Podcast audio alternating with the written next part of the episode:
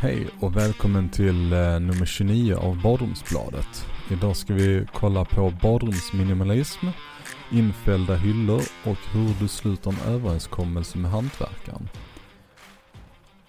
Badrumsminimalism. Vi är många som kanske inte har det där enorma badrummet men som ändå vill få plats med så mycket som möjligt. Hur går man tillväga för att få plats med allt och vad behöver man egentligen få plats med? De minimalistiska principerna är enkelhet, man ska förenkla och eliminera överflöd.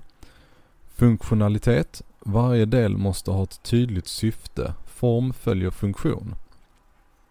Rensa bort, kasta och gör dig av med allt överflöd som bidrar med rörighet. Neutrala färger och naturmaterial. Principen bygger på att minska stress och ge ro och då behöver man naturliga färger och mer äkthet i materialen. Ett genomgående tema är att många minimalistiska möbler och inredningar har raka och rena linjer.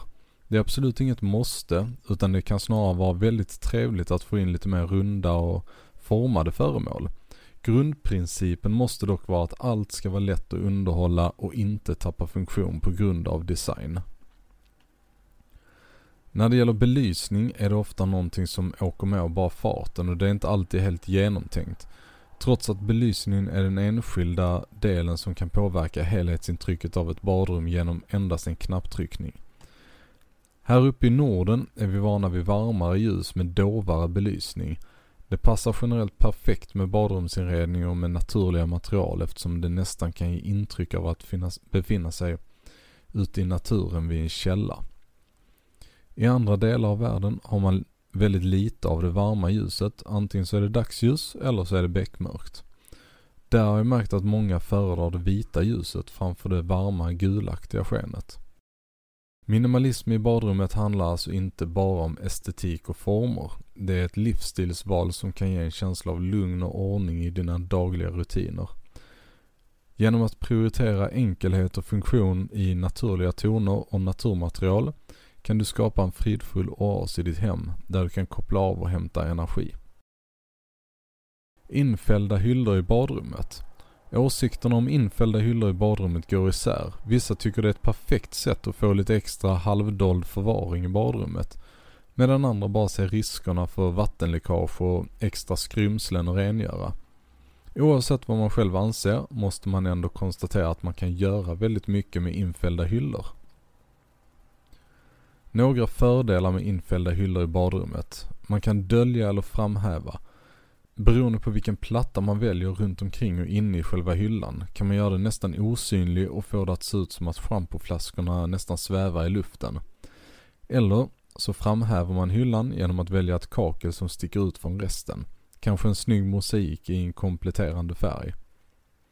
Optimalt utnyttjande av utrymmet.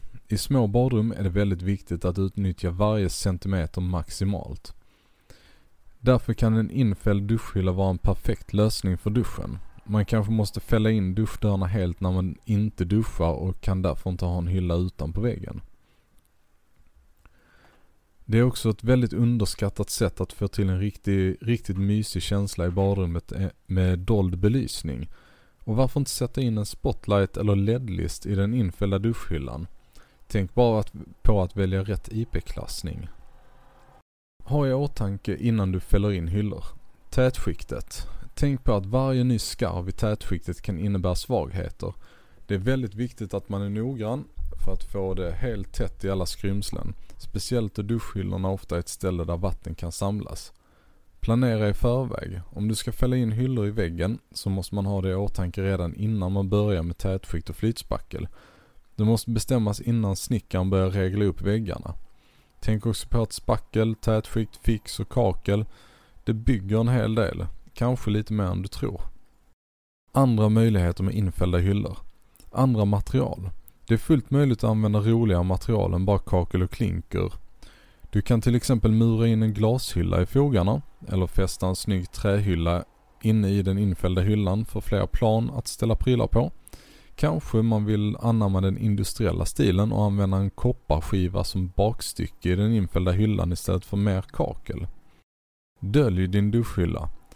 För en del så är renlighet och ett minimalistiskt utseende väldigt viktigt. En smidig lösning är då att dölja den infällda hyllan bakom en spegel som man enkelt vrider åt sidan för att komma åt grejerna i hyllan. Eller så tar man det ytterligare ett steg och använder en form av smygöppning med push-open beslag.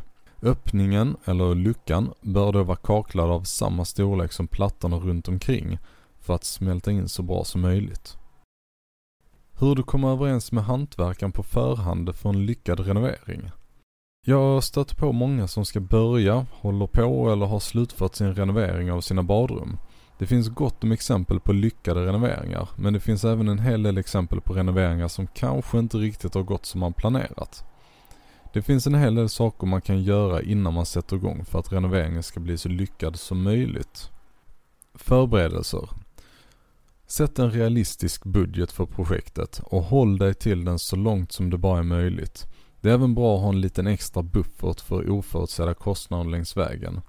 Fundera även på hur du, vill ha, hur du vill att badrummet ska se ut. Ska saker byggas in i väggarna? Behövs några förhöjningar av golvet, dusch, bad, nischar? Rita gärna upp en detaljerad skiss över hur det färdiga badrummet ska se ut. En del företag gör detta åt sina kunder i datorprogram där man kan få en färdig 3D-vy över hur det kommer att se ut med alla möbler och så vidare. Välj vad du vill ha för kakel och klinker, möbler, duschväggar och armaturer. Din hantverkare kommer definitivt ha input och förslag på vad du väljer och bör välja. Exempelvis är det lättare att jobba med mindre plattor som mosaik på golvet i duschen. En kommod med tjock marmorskiva kräver definitivt en ordentlig regel bakom väggen. Och en inbyggnads-WC kanske inte får plats under ditt snedtak. Kom överens om en grov tidsram för ditt projekt. Saker kan alltid hända längs vägen. Men det är viktigt att ha ett hum om var i processen man befinner sig och ungefär hur lång tid som återstår. Ditt kontrakt med hantverkaren bör innehålla saker som arbetsomfattning, tidslinje, betalningsplan och garantier. Är du osäker, eller även annars, bör du rådfråga en jurist. Bygglov och tillstånd.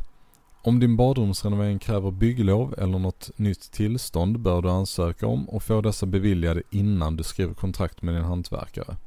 Uppföljning. En hantverkare som för någon slags arbetsdagbok över processen har generellt sett bättre koll på timmar som ska faktureras, processen och hur eventuella problem löses.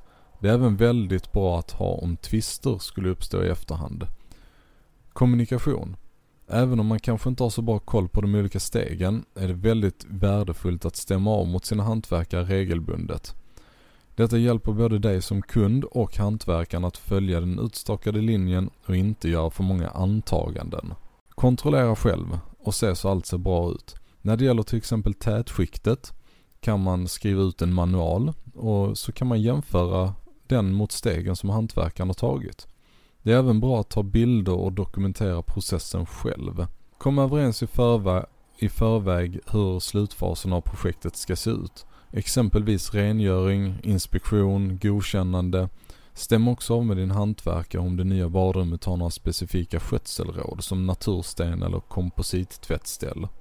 Sen har vi fått in en läsarfråga som gäller avloppsrör. Hur vet jag att jag får lov att gjuta in mina avloppsrör? På Svenska institutet för standarder så kan man gå in och läsa och eh, där finns det två olika markeringar. Det finns eh, EN 1451 B och sen så finns det EN 1451BD. Dessa står på varenda grå avlopps, eh, grått avloppsrör och även de röda står var, vilken beteckning de har. Och det är alltså endast EN 1451BD som ni får lov att gjuta in i golvet så länge de har en diameter på 75 mm eller mer. Vill ni läsa direkt från Svenska institutet för standarder så kan ni gå in på badrumsbladet.substack.com och så hittar ni eh, badrumsblad nummer 29 och där finns länkar till eh, Svenska institutet för standarder alltså. Tack för den här gången så hörs vi nästa gång. Ha det bra!